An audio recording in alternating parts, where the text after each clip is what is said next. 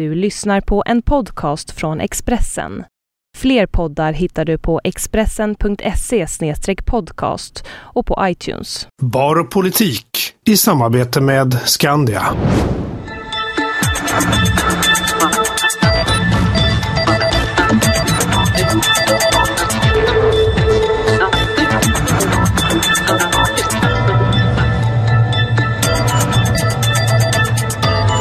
Onsdagen den 13 november. Klockan är åtta. Det betyder bar och politik här i Expressen TV. Ikväll direkt sänder vi från Södra berget i Sundsvall där Skandiadagen just har avslutats.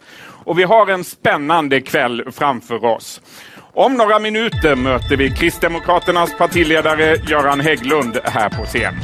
Det blir debatt mellan arbetsmarknadsminister Elisabeth Svantesson och Socialdemokraternas gruppledare i riksdagen, ställföreträdande partiledaren Mikael Damberg. Vi träffar också förre statssekreteraren Per Schlingman idag, egenföretagare. Ja, varmt välkomna ska ni vara allihop till Sundsvall. Det här är det nittonde programmet i ordningen, men det är första gången som vi lämnar Stockholm och det är vi väldigt glada för. Vi sänder i en och en halv timme och ni kan i vanlig ordning kommentera det som sägs och händer i programmet. Ni gör det på Twitter under hashtaggen barpool. På skärmarna här bakom mig ser ni hur det ser ut just nu. Stapeln den är ju vacker. Nu börjar det hända grejer. Eh, twittra på. Vi lovar att eh, eh, plocka upp tweets i sändning. Eller hur, Annie Reuterskiöld? Det gör vi. Det är under hashtaggen, nu tror jag inte att mitt ljud funkar. Det är under hashtaggen eh, barpool som man kan eh, twittra och eh, vi försöker ta upp så många Twitterfrågor som möjligt till panelen. Ja. Allra först på scen nu ska jag välkomna upp Expressens politiska kommentator KG Bergström. Jag tycker vi ger honom en applåd. KG Bergström, hur ser dina förväntningar ut på den här kvällen? Först och främst är jag nyfiken efter att ha tillbringat 34 år i en annan tv-organisation med något mera resurser, något mera byråkrater hur klarar sig då det här som närmast är någon slags barfota-tv i den konkurrensen? Du får Ganska ett betyg efteråt. För det andra så är jag naturligtvis väldigt förväntansfull inför Göran Hägglund.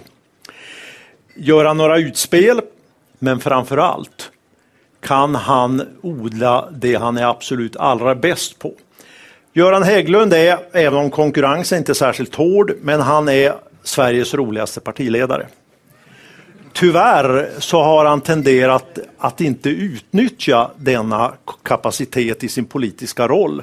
Möjligen så tyckte han länge att det var lite oseriöst att vara rolig. Men det finns hopp om honom. I Almedalen i sitt tal så var han rolig. På rikstinget var han rolig. Det var visserligen så nära buskisgränsen man kan komma, men lika fullt väldigt uppskattat av publiken. Frågan är om inte den här miljön borde passa ännu bättre. Ja, men, riksting, det låter ju seriöst och tråkigt, men tänk här då på en restaurang. Då. Visserligen är kristdemokrat så han kanske inte är så van vid den miljön. Men i alla fall, så det borde inbjuda, så att du borde locka fram lite roligheter. Han ska få chansen, jag lovar. Absolut. Sen så tycker jag det ska bli väldigt spännande att se hur regeringens rookie, arbetsmarknadsminister Elisabeth Svantesson, ska klara att debattera med en före detta SSU-ordförande.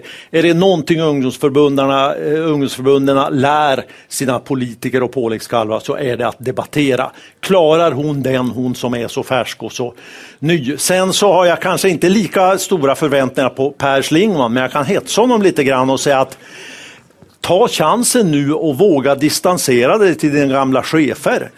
Tala ut verkligen vad du tycker om politiken och Reinfeldt och Borg. Sen är det ju en lysande panel tycker jag. Elisabeth Thand Ringqvist var, var skicklig redan som ordförande i Centerns högskoleförbund.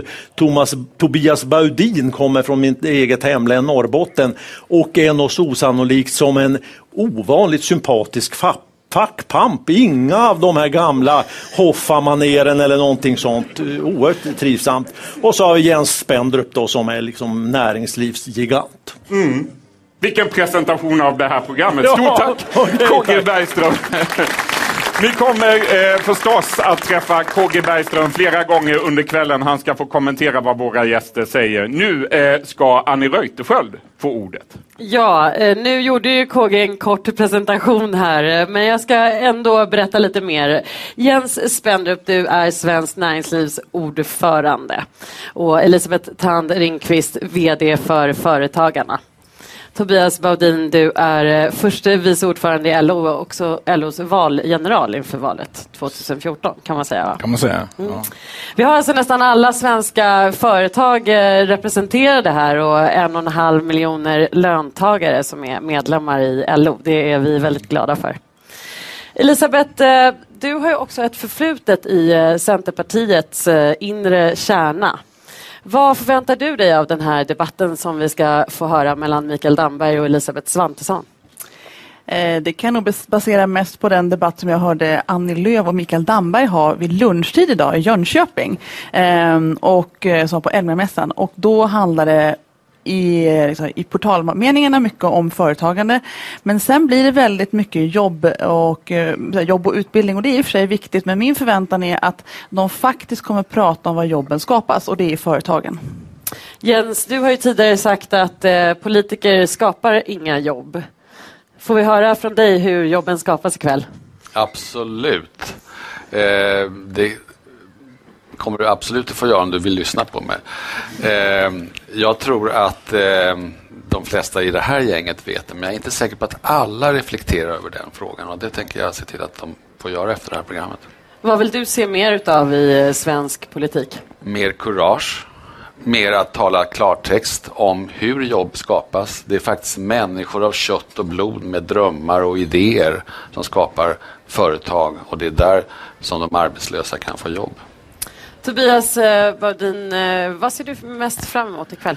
Eh, jag mest ser fram emot att lyssna på Elisabeth Svantesson och höra vilka budskap hon nu har kring, kring jobben. Alltså, full sysselsättning är ju LOs absolut viktigaste fråga och att, att uh, massarbetslösheten har bitit sig kvar på det sätt som de har gjort det är ju såklart någonting som, som är oroande för oss och det ska bli intressant att höra vad, vad hon har för budskap med sig. Hur skulle du beskriva LOs uh, samarbete eller relation till uh, regeringen?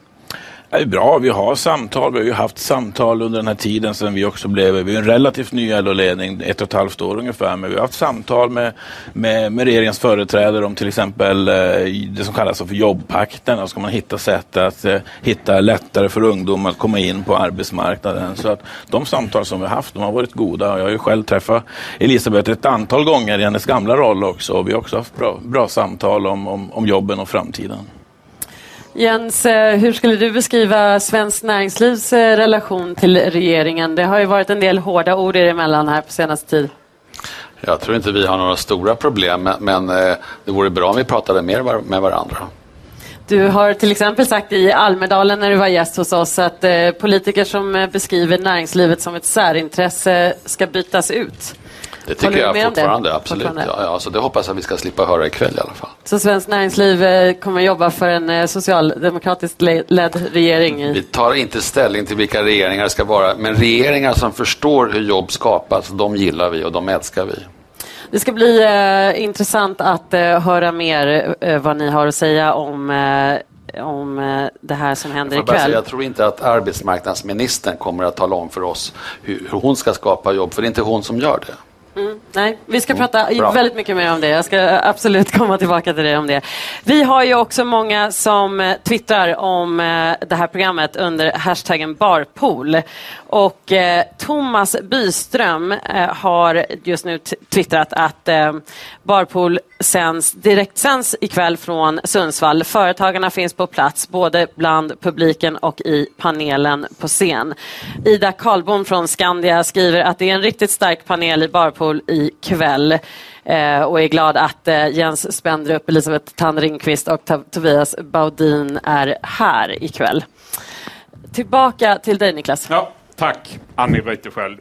Jag ska också säga det, Annie Reuterskiöld kommer ni att träffa många gånger under kvällen. Hon är politisk reporter på Expressen. Men nu är det dags för en av kvällens huvudpersoner. Här kommer han, socialministern och partiledaren för Kristdemokraterna, Göran Hägglund. Välkommen. Då vill jag gärna ha dig där. Så. Tack. Göran Hägglund säger jag, men man kanske skulle kalla dig för prins Daniel. Det vore väldigt trevligt. Det vore trevligt. Ja. Vi ska börja Ja. i den kungliga änden, Ja. Göran Hägglund. I fredags berättade alltså kronprinsessan Victoria att hon brukar kalla prins Daniel för Hägglund och detta på grund av prinsens likheter med dig. Vad säger du om det här? Ja, det är ju genant för honom möjligen, men, men eh, smickrande för mig. Om vi tittar Vi- på den här bilden, Göran. Ja, Alltså det ser ju faktiskt ut som om ni har samma glasögon till och med. Alltså ni, ni ser du själv likheten? nej, det gör jag inte, men, men det tror jag var och en eh, känner igen från sin egen situation att andra kan säga så här förfärligt vad lika varandra ni är och man ser det inte själv. Möjligen kan andra se det, men, men då och då, det har ju inträffat till exempel, vi var i, i eh, Berlin tror jag det var, eh, på en, en konferens och eh, där var kronprinsessan, där var prins Daniel, eh, jag var där, den tyska hälsoministern var där och vi råkade, både den tyska hälsoministern, prinsen och jag råkade vara klädda på nästan identiskt sätt med vita skjortor och lila slipsar som var det som gällde för dagen där. Och det såg ju nästan lite löjligt ut, men, men, men det är sånt som händer. Ja. Hur ska du dra nytta av den här likheten i valrörelsen? Då? Jag tror inte att den kommer att spela någon som helst roll under, eh, under själva valrörelsen faktiskt. Möjligen kan ju prinsen dra lite nytta av det. Ja, ja, ja. Han, han, han är ju för övrigt väldigt intresserad av, av just frågor som rör hälsa och sjukvård. Han har eh, varit hos oss på departementet någon dag, han har varit med mig i Washington eh, på en hälsovecka. Eh, så sent som i förrgår måste det ha varit så var vi tillsammans på en skola i Skåne där man gör fantastiska insatser för hälsan för ungarna. Eh, och han har ett mycket stort intresse och drar uppmärksamhet till viktiga frågor. Då tog du oss eh, in på det ämne som jag tänkte att vi skulle börja med. På Expressens eh, debattsida idag skriver du att skillnaderna mellan cancervården runt om i Sverige är så stora att de hotar målen om god och jämlik vård för alla. Det låter onekligen som något som socialministern ansvarar för. Ja, fast det är ju så att vi i Sverige har den ordningen att det är landstingen som är vårdgivarna. Landstingen och andra aktörer som, som ger vård. Eh, staten kan på olika sätt stötta. Vi är ansvariga för lagstiftningen, förordningar, vi har myndigheter som tillser att det fungerar och så. Eh, men det är i huvudsak landstingen som utför verksamheten. Och det vi kan se, för nu mäter vi väldigt mycket och när vi mäter så att vi kan se till exempel skillnaden på ögonsjukvården mellan landets alla sjukhus så kan vi se enorma skillnader. Det gäller ögon, det gäller eh, naturligtvis tusen olika diagnoser där vi kan se stora skillnader och det här är inte okej. Lagstiftningen är sån och framförallt värderingarna bakom den är sån att vi ska behandlas på ett likvärdigt sätt vare sig vi bor i Ystad eller Haparanda, vare sig vi är gamla eller unga, vare sig vi, vi eh, har bott i Sverige i alla tider eller har en utländsk bakgrund eller vad det nu kan vara. Så hur ser lösningen ut då? Jag tror att vi måste ha en tydligare statlig styrning på det här området. Bort med landstingen. Ja, alltså det, det, skulle det krävas för att få en bättre vård så är jag beredd att, att driva den frågan. För att det är inte okej att vi har de stora skillnader som vi har idag. Och det är också så att vi har alltså delat in landet i 21 olika landsting där en del ju är ganska små. Och de här ska greppa om ofantligt stora områden där det ställs tuffa krav idag. Och de kommer att bli ännu större imorgon när vi kan göra allt mer. Och de små landstingen tror jag är för små. Jag tror att vi antingen måste dela in det här i ett antal större regioner eller också få en, en, en statlig hand över vården. Det låter som en lång process för att nå dit avskaffade Vi kommer landsting. inte att vara färdiga imorgon bitti det kan jag säga, utan det här är en bit att gå. Men, men jag har nu sju års erfarenhet i den roll som jag har nu som socialminister.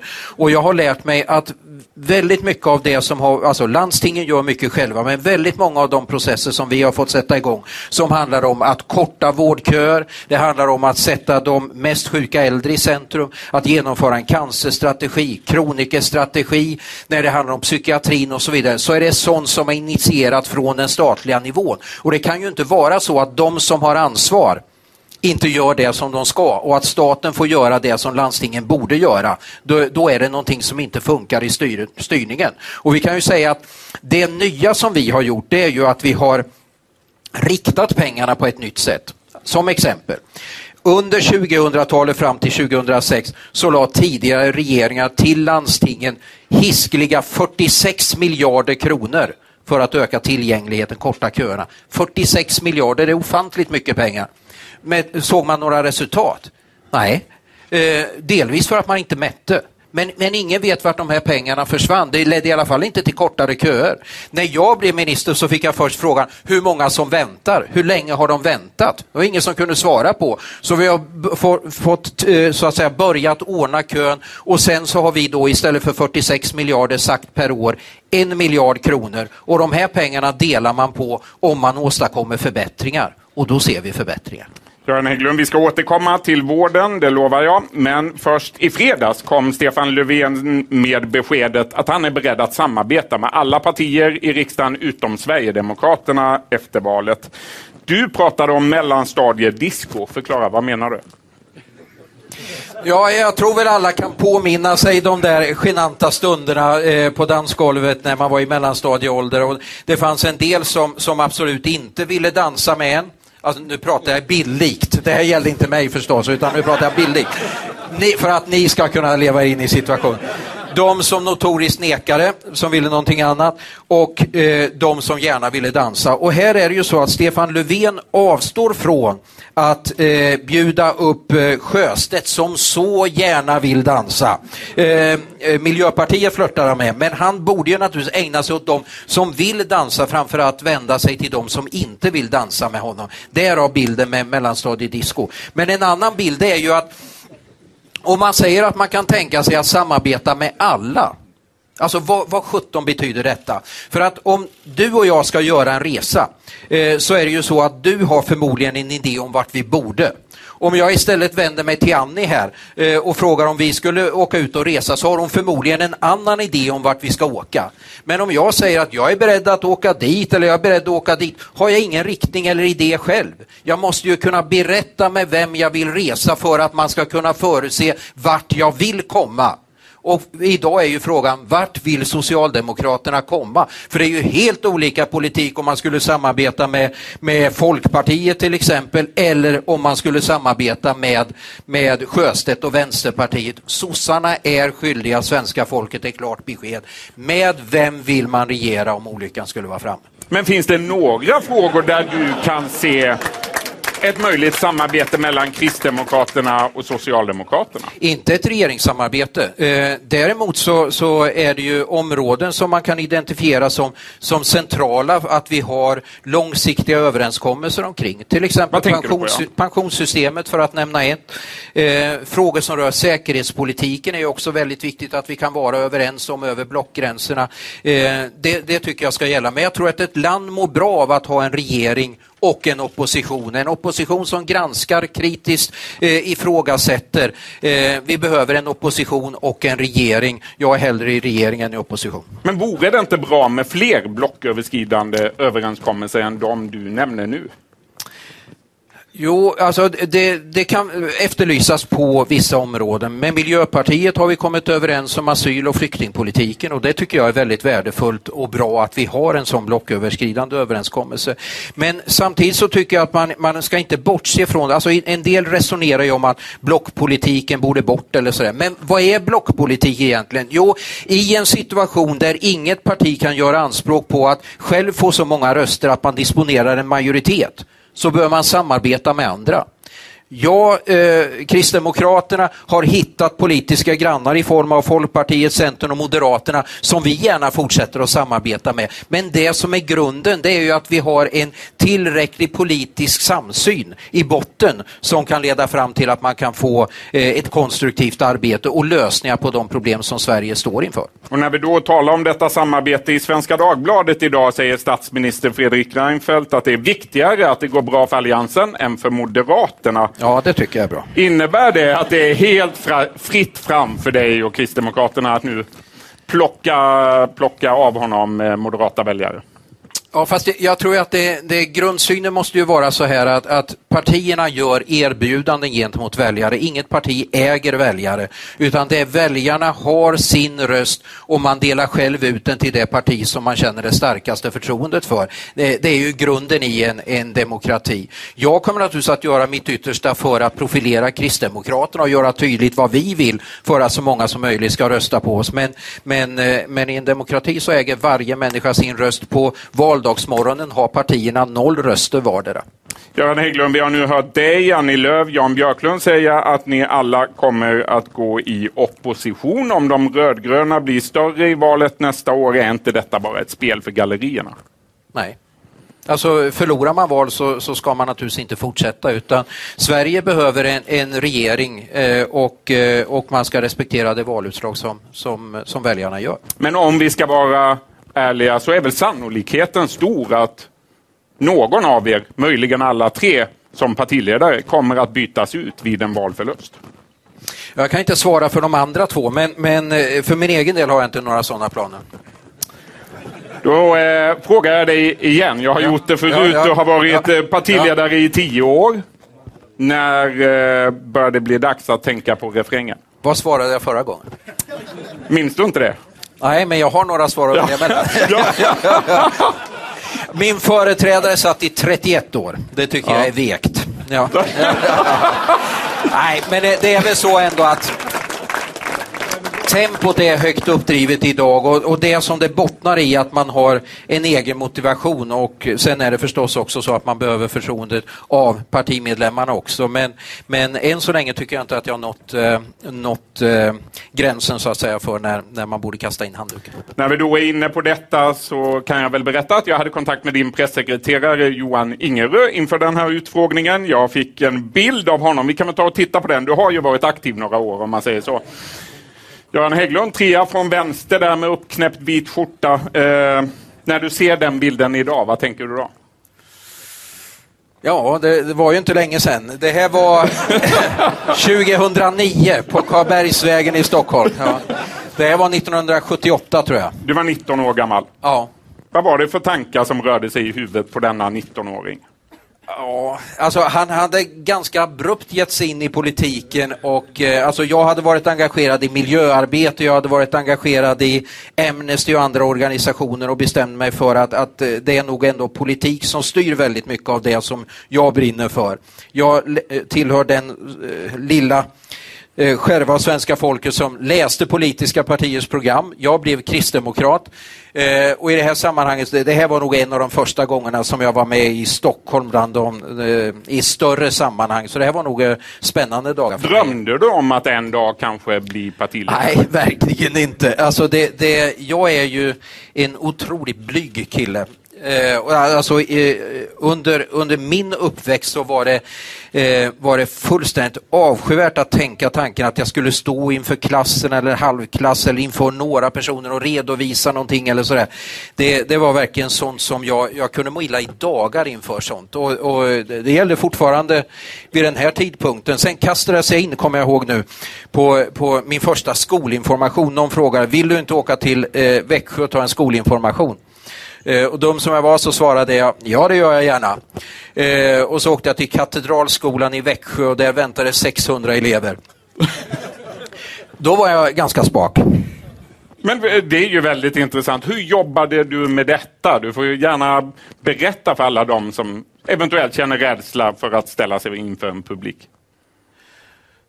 Ja, ställ er inför 600 gymnasieelever på Katedralskolan i Växjö. Nej, men, men eh, det, det försvann bara, den där nej, nej, men det var verkligen inte gjort över en natt utan det är någonting som jag behövt jobba eh, enormt mycket med och det, det, det, det var ett av, av, mina, mina stora problem under uppväxten, att jag var, jag var fruktansvärt blyg. Under veckan har vi fått flera frågor via Twitter till eh, Göran Hägglund. Jag ska ta ett par nu. Ulrika Sedell, hon ställde en fråga häromdagen. Hur är din relation till Livets ord-falangen i partiet? Ja, jag, jag skulle inte hålla med om, om beskrivningen av att det finns en Livets ord-falang. Det finns personer i mitt parti och som röstar på Kristdemokraterna som är med i Livets ord, en del som är med i Frälsningsarmén, en del som är med i, i eh, pingströrelsen, en del som är med i Svenska kyrkan, eh, en del som inte är med i något eh, sammanhang alls av religiös karaktär. Vi har muslimer, vi har människor av, av, med en stor religiös bredd och sådana som inte tror på någonting alls. Eh, Människor som är medlemmar i Livets Ord, är min erfarenhet, de har olika uppfattningar precis som människor som inte är medlemmar i Livets Ord. Så det finns nog inte en enhetlig politisk strömning som man kan se där, utan de är enskilda personer som råkar tillhöra en församling och som säkert röstar på olika partier. Andreas Toftes har också ställt en fråga. Han undrar varför rensar ni ut så många populära KD-namn ur toppen? Och han nämner då Tuve Skånberg och Lennart Sacrédeus. Ja, det är nog inte så att, eller det är inte så att vi, vi rensar ut några, några personer utan det är ju så det här med nomineringstider som partierna är inne i nu är ju ofta processer som eh, som kan orsaka en del spänningar i partier. Enskilda personer tycker att de är mer dugliga än vad omgivningen kanske tycker. Eh, det finns fler pretendenter än vad det finns platser på en lista och så vidare. Och det här är ju processer som kan vara ganska stökiga i mitt parti och jag är säker på i alla andra partier. Eh, eh vi genomför provval som är en del av, av uh, urvalsprocessen och sen tillkommer en del andra aspekter, att man får en hygglig geografi, åldersfördelning, eh, könsfördelning och så vidare. Men, men det här är ju någonting som sköts sköts ute i de olika partidistrikten och ingenting som, som manageras från Stockholm. Göran Hägglund, i fredags fick jag ett pressmeddelande från ditt parti i Stockholm. De kom med ett vallöfte. Om vi tittar på det. Göran Hägglund ska vinna valet i Stockholm. Vad, Vad säger du om det utspelet? Hur ska det gå till? Har du invändningar? Hur ska det gå till, undrar jag. Ja. Ja, alltså vi, vi har ju ett stort jobb att göra. Eh, alltså vi, vi tycker ju att vi, vi har, har haft en väldigt bra process nu under ganska lång tid för att ladda upp för, för det kommande valåret. Eh, och att vi har, eh, har liksom tagit ut riktningen i många avseenden. Vi driver många viktiga politiska frågor som handlar om sjukvården som ligger i topp hos eh, svenska folket när det gäller frågor som, eh, som de tycker är viktiga. Eh, vi har ett EU-val framför oss där vi har, eh, har valt en linje, tycker vi på mycket goda grunder, som är något mer skeptisk till centraliseringssträvanden och allt för stor entusiasm när det handlar om, eh, om att dra mer makt till Bryssel.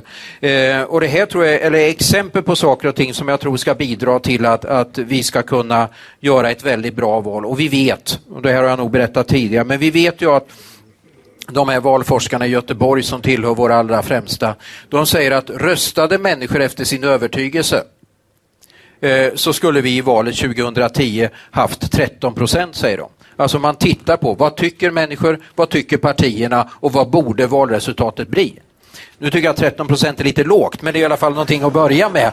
Eh, och ge mig hygglig självförtroende att det finns ganska många här inne i den här lokalen som är kristdemokrater men som ännu inte riktigt har fattat det.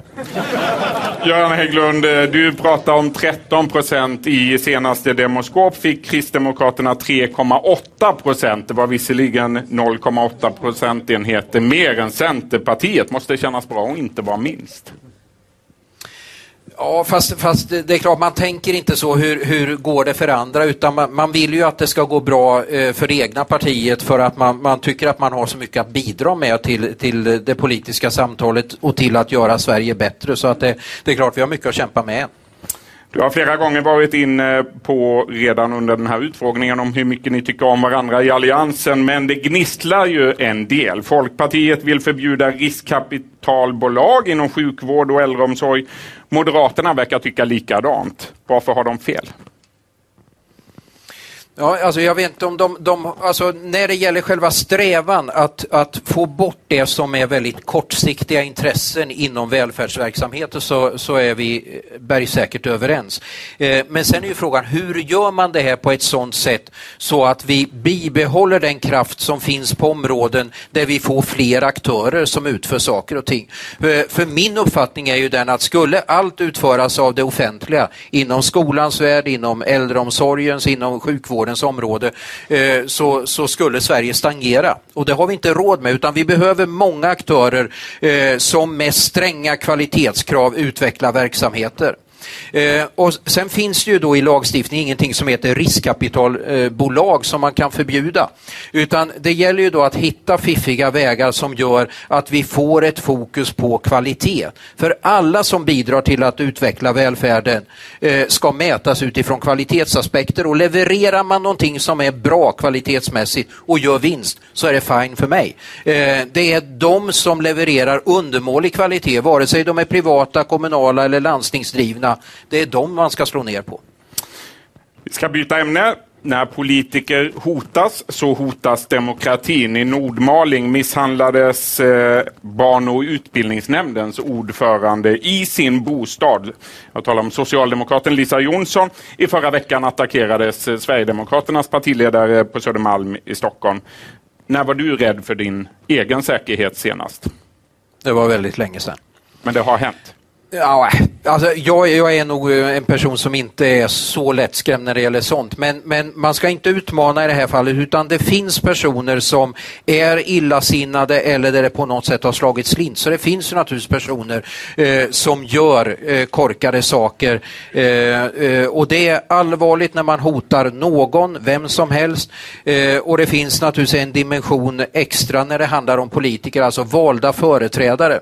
Och jag hyllar den tuffa politiska debatter och eh, att det ska finnas tydliga skillnader. Men vi måste i ett civiliserat samhälle kunna skilja mellan sak och person och vi måste kunna skilja mellan vad som är att argumentera och vad som är att ta till nävarna. Det gör vi inte, det senare alltså, i vårt land. Och det här måste alla politiker vara entydiga omkring. Har du detta. någon gång blivit fysiskt angripen?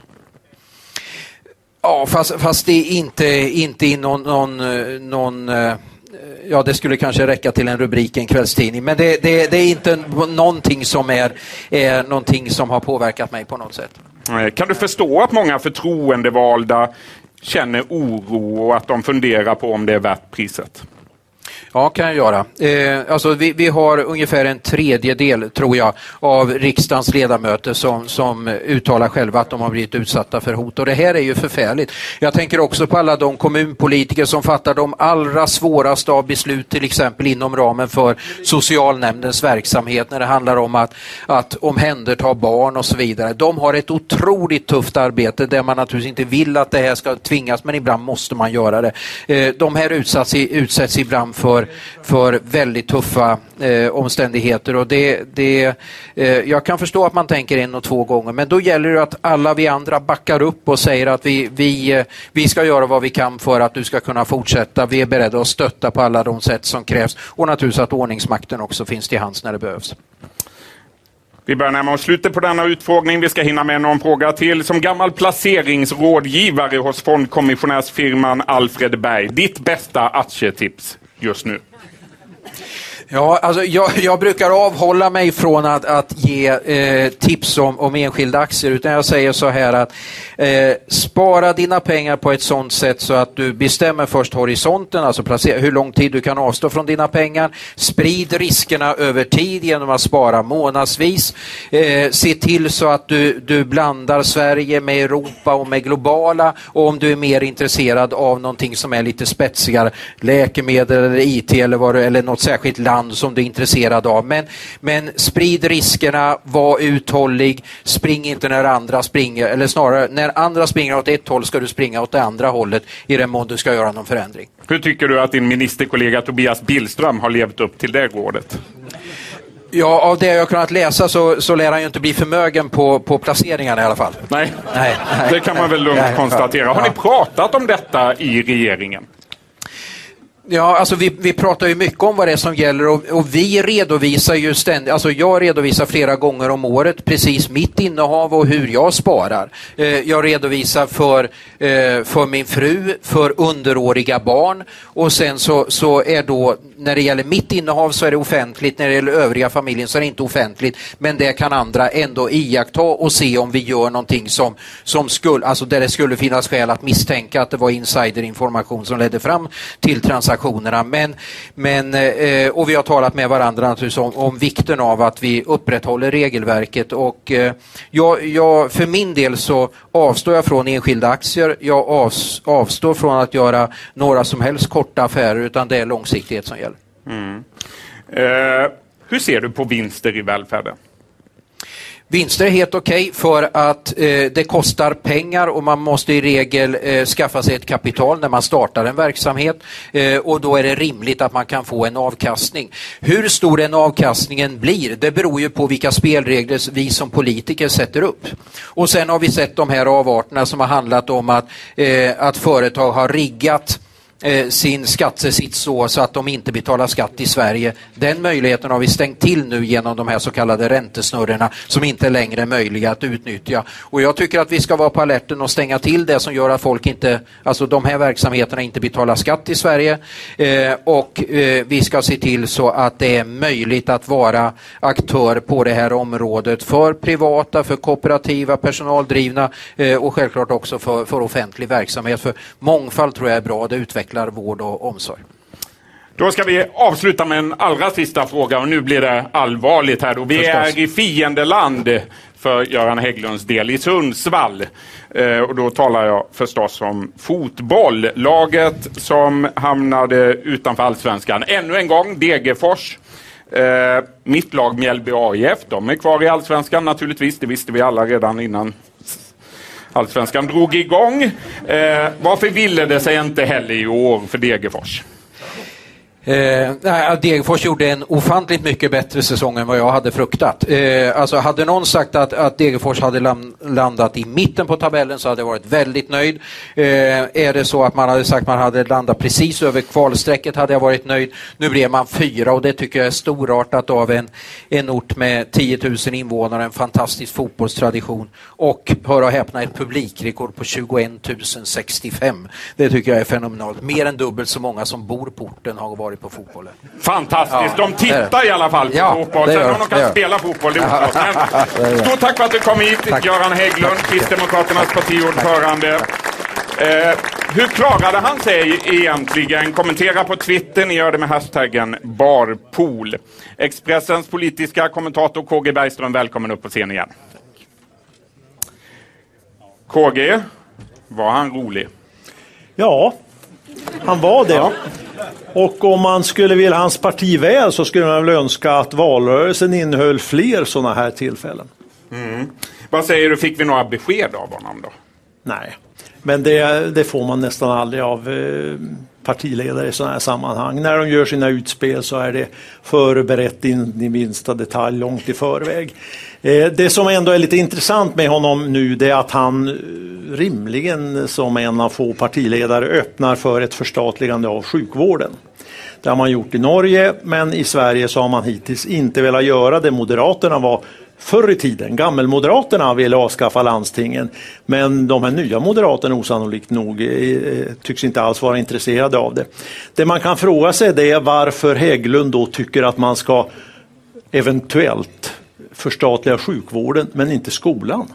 Det är precis samma problem där. Det är en ojämlik sjukvård. Det är också en ojämlik skola. Det är väldigt olika ambitionsnivå mellan olika kommuner om att kommunerna är eh, men, huvudmän. Men, du säger att gammelmoderaterna hade han möjligen haft med sig. Men hur ska han få med sig de andra i alliansen? Kommer han att lyckas med det? Det vet jag inte, men om man tittar på huvudmannaskapet för skolan så eh, har det inte vunnit någon större majoritet. Det är tre partier idag som vill förstatliga skolan. Sverigedemokraterna, Folkpartiet, Vänsterpartiet. Vilket gäng! Och eh, när det gäller sjukvården så är det ju ännu färre rimligen så att det kommer att ta mycket längre tid. Å andra sidan så är ju problemen ännu värre trots allt. Det är lättare att skapa opinion för förändringar när det handlar om ojämlik cancervård, olika möjligheter att överleva hjärtinfarkt och allt sånt där. Så att rent eh, demagogiskt så borde det vara enklare att väcka opinion när det gäller det här. Sen så tycker jag då att han eh, kanske skulle ha kommenterat, och det låter alltid på en socialminister som att eh, allt som de gör är bara bra.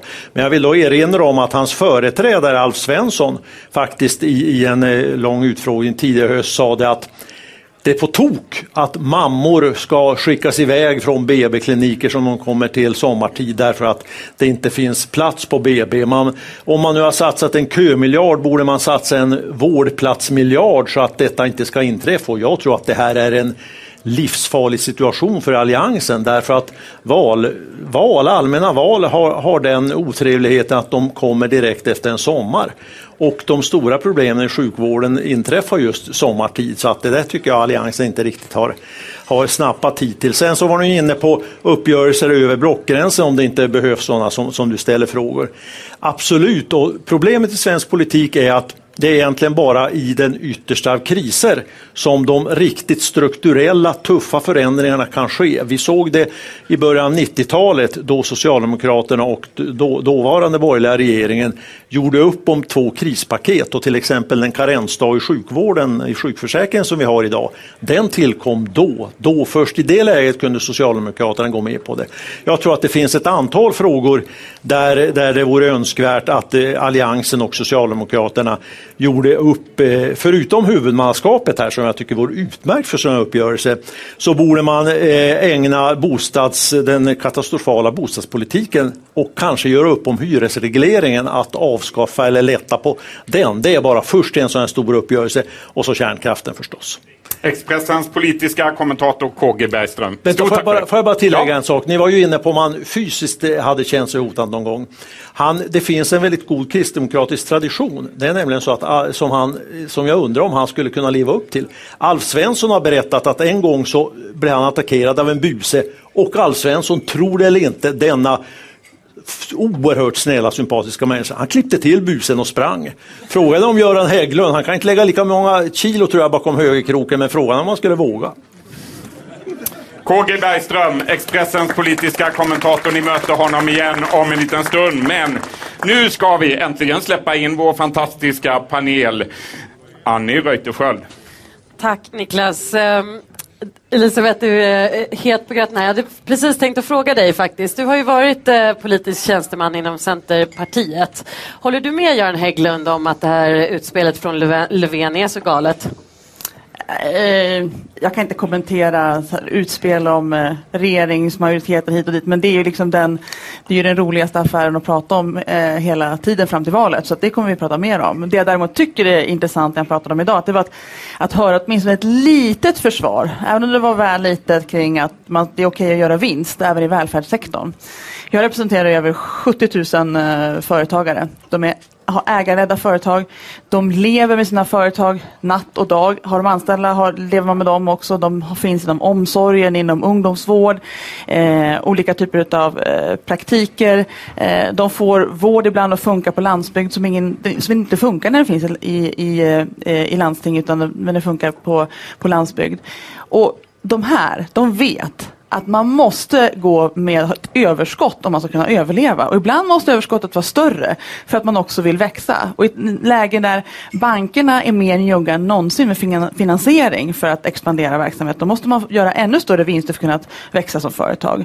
Och det är en debatt som är helt Liksom, det är ingen som riktigt tar den, det försvarstalet om att ska vi få en fungerande valfrihet så måste företagen göra vinst. Precis, för de flesta eh, partier verkar ju nu eh, ja, de backar tvärtom 180 svänga mot Vänsterpartiets ja. linje mm. och förbjuda vinster i välfärden. Ja. Vi, eh, vad, vad, vad, säger du? Håller du med Elisabeth Tandringqvist om detta? För det allra mesta gör jag det. Mm. Jag kunde tänka mig det. Konkurrens är det som skapar effektivitet och gör att vi för varje generation får det bättre och bättre. Vi har en stor ekonomi i den offentliga sektorn och om den inte konkurrensutsätts så kommer vi inte att ha råd med den välfärden som vi vill ha, alla vill ha idag. Så vi måste ha konkurrens både där, precis som vi har haft i näringslivet i århundraden. Konkurrens är bra. Tobias, Mångfald är mycket bättre än enfald. Tobias Baudin, vad säger du? Mm. Ja, vi har ju också tagit fram ett LO-förslag kring vinst i välfärden och när, när vi presenterade det då framstod vi också som riktiga vänsterradikala. Det var löntagarfonder och det var stank från 70-talet och sådär. Allt eftersom debatten har gått nu så säger man att vi är ju inte de radikalaste alls med frågorna. Vi har ju tagit fram ett förslag där vi säger att det, det som är farligt det är om det är så vinstutdelningsdriften som blir det primära. Det, det man ska finnas och det man ska verka för inom välfärden det är ju att leverera en vård, skola och omsorg av hög kvalitet. Och sen har vi lagt ett förslag som innebär att det inte är vi som ska sitta så här, statligt och bestämma exakt om vilken företagsform det var, hur mycket man ska gå med vinst. Det ska man göra eh, där ute i kommunerna och landstingen. Det är kommunerna och landstingen, det är vi som röstar fram våra kommunpolitiker. De har ett uppdrag, de ska leverera en äldreomsorg av god kvalitet. Det är de som ska bestämma driftsformer, men också som de kan göra idag, bestämma om de vill att de ska få göra vinstutdelningar eller om det ska inte vara vinstutdelningar, man ska jobba med vinstdelningar. Vi ska flytta ansvaret dit ut där och hemma. Det är också de som bestämmer vilken kommunskatt man ska Men ta in Göran Hägglund vill ju inte att vården tas om hand av landstingen längre. Det här vill ju förstatliga.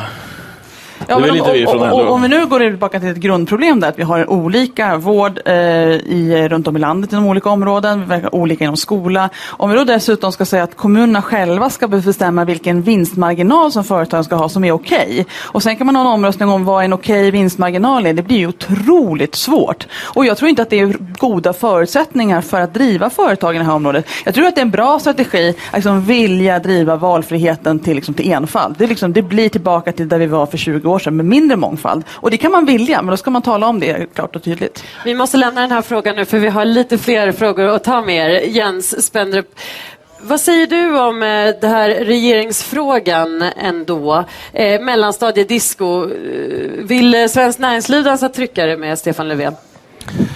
Vi dansar tryckare som jag sa tidigare med alla som tryck, tycker som vi. Som trycker som vi? Precis. Ja. Nej, men, eh, vad tror du på, eh, går den här inviten ut mot Göran Hägglund, Annie Lööf och eh, Jan Björklund eller eh, är det andra man försöker, försöker bjuda upp?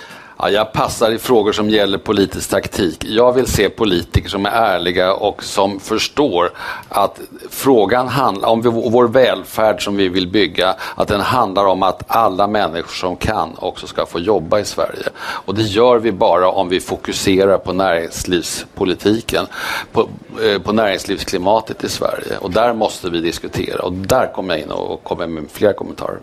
Det var eh, någon som twittrade om det precis, att de ser eh, fram emot att höra hur du eh, ser på hur vi ska skapa nya jobb. Det ska vi prata om efter debatten. Men Tobias, eh, välfärden är ju en av LOs tre grundpelare i den här valrörelsen som kommer. Eh, skönmålar Göran Hägglund verkligheten här när det gäller välfärden?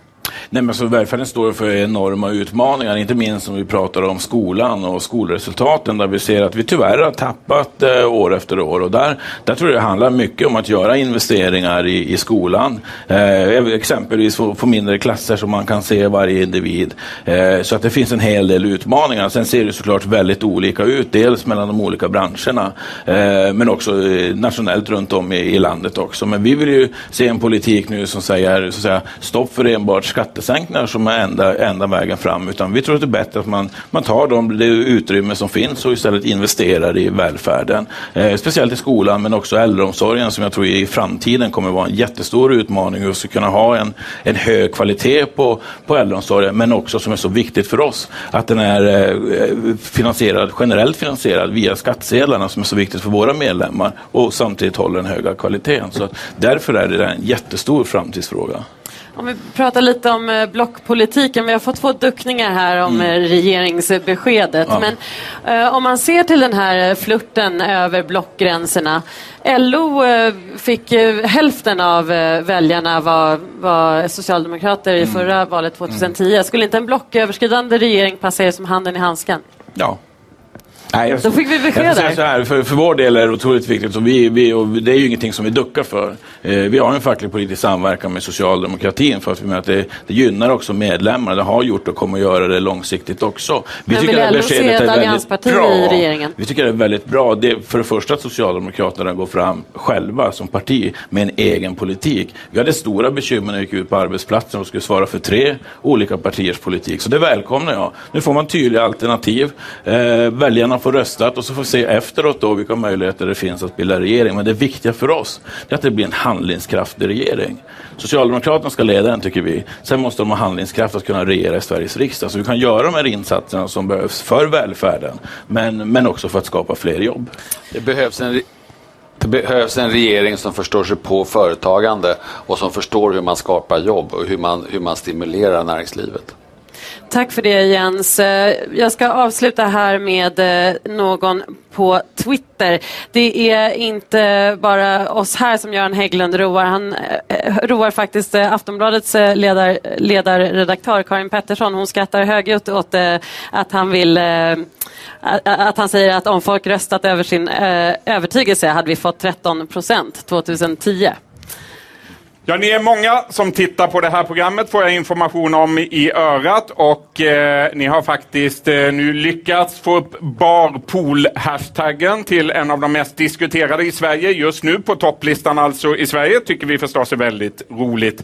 När det nu har blivit dags för debatt här i Bar och politik från Sundsvall. Även denna kommenterar ni förstås bäst på Twitter. Välkomna upp på scen säger jag nu då till arbetsmarknadsminister Elisabeth Svantesson. Välkommen hit och till Socialdemokraternas gruppledare Mikael Damberg som jag vill ha på den sidan. Mikael Damberg, du kommer precis ifrån Jönköping. Du har mött ja. Eh, Centerledaren Annie Lööf i en debatt. Hur gick det? Ja, det får väl andra bedöma, men jag tyckte det var en spännande debatt om inte minst små och medelstora företags villkor och hur de kan expandera och hur de idag är beroende av de stora exportföretagen också i sin verksamhet ofta. Så att det behövs en politik både för samverkan, innovation, Eh, exportledd tillväxt men också för speciella villkor för att lyfta små och medelstora företag. Det var en bra diskussion. Vi har varit inne på det faktum att din partiledare Stefan Löfven i fredags eh, gick ut och sa att han skulle kunna tänka sig samarbete med alla partier utom Sverigedemokraterna efter nästa val. Men vilka partier skulle ni kunna tänka er att släppa in i en socialdemokratiskt ledd regering? Men hela det resonemanget blir lite bakvänt. Det vi säger är att vi ska gå till val på ett eget program så väljarna ser vad Socialdemokraterna vill göra och då vill vi fokusera på jobben, resultaten i skolan och vi vill se till att slå vakt om välfärden. Det är våra huvudfokus i det valet. Då kan väljarna välja vårt parti eller andra partier och lägga sin röst där så de rösterna faktiskt betyder någonting. Eh, det som väljarna röstar på. Sen kommer vi till valdagen och efter valdagen så får man se vilka partier som finns kvar i riksdagen. Idag ser vi att ett par av de borgerliga partierna kanske inte skulle klara 4 spärren. Jag hörde Hägglund vara optimistisk. Eh, eh, förstår det. Han behöver vara optimistisk med de opinionssiffror som finns just nu. Men om ett eller ett par partier inte kommer in, om det blir en väldigt oklar parlamentarisk situation eh, där, där ingen riktigt har majoritet, då menar jag att det är viktigt att partierna kan ta ansvar och samarbeta. Så istället för att låsa in svensk politik i blockpolitik som jag tycker att Fredrik Reinfeldt har gjort de senaste åren, så utmanar vi det och säger att partierna måste kunna samarbeta för Sveriges skull och det tycker jag är en väldigt klok linje framåt. Arbetsmarknadsminister Elisabeth Svantesson, premiär för din del i Bar och politik. Vi är väldigt glada för att ha dig här. Tack så mycket. Eh, du har varit minister nu i två månader. Hur har den här tiden varit? Väldigt roligt. Igår var jag i Paris och pratade med regeringschefer och arbetsmarknadsministrar. Idag Östersund och nu här hos dig. Sundsvall. Tre metropoler på två dagar, bara en sån Ja, strålande. Ja, ja. precis. Är det något som har överraskat dig med det här jobbet? Nej, det är väl mer på det personliga planet, att man har någon annan som bestämmer almanacka och kalender och liksom inte riktigt kan gå och röra sig som man vill. Men annars så är det inte så mycket som har överraskat mig. Nej. Du var själv inne nu då på eh, det här högnivåmötet som du besökte i Paris igår. Mm. Regeringschefer från hela Europa. Och temat var ungdomsarbetslöshet. Hur illa ställt är det i Europa? Det är rätt illa ställt i många länder, speciellt i södra Europa där man brottas med enorma tal på över 50 procent. Även Sverige har utmaningar, även om vi är ett av de länder i Europa med allra lägst långtidsarbetslöshet bland unga, så har vi ju alltid utmanat sig till att fler unga kommer i arbete. Har Europa något att lära av Sverige på det här området? Vi har att lära av varann. Vi lär ju av till exempelvis, exempelvis Tyskland som har ett väl organiserat och fungerande lärlingssystem. Eh, och andra länder kan se att vi har en jobbgaranti som nu också kommissionen vill att alla länder ska få på plats. Håller du med om att vi har att lära av Tyskland? Mikael Damberg? Ja, det finns spännande saker att göra. Både Tyskland, Österrike, Holland som har lyckats pressa tillbaka ungdomsarbetslösheten mer än vi har gjort i Sverige. Eh, och flera av de här länderna har ju också fungerande ungdomsgarantier som vi har levererat till exempel en 90 dagars garanti som ska göra att unga människor får jobb, utbildning eller praktik inom 90 dagar. Och det är ju ett sätt att få ner den väldigt höga långtidsarbetslösheten bland unga människor. Vi har ju 30-35 000 ungdomar som idag går långtidsarbetslösa i Sverige. Eh, och jag, jag är lite nyfiken. Vad, vad sa den svenska regeringen på det här högnivåmötet? Var man för eller emot den ungdomsgaranti man röstade emot i Sveriges riksdag gång efter annan? Ja, vi kan väl låta Elisabeth svara. Nej, men det är bra att vara påläst. Vi har en ungdomsgaranti som ger insatser. Och jag tror, när jag ändå är här nu, bara politik, så vill jag gärna ta död på den myten som Mikael Damberg och hans kompisar så gärna vill, vill presentera, att vi har någon slags aktivitetsförbud för ungdomar. Så fungerar det inte. Den som kommer till Arbetsförmedlingen och är ung kan få hjälp från första dagen, särskilt om man riskerar långtidsarbetslöshet. Det finns en mängd insatser och vi har en garanti som också fungerar väl.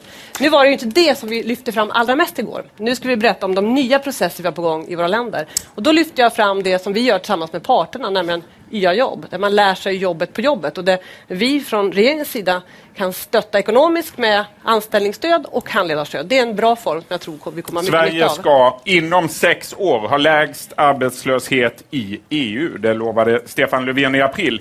Enligt Svenskt Näringslivs beräkningar krävs det ungefär 500 000 helt nya jobb för att eh, slå Österrike.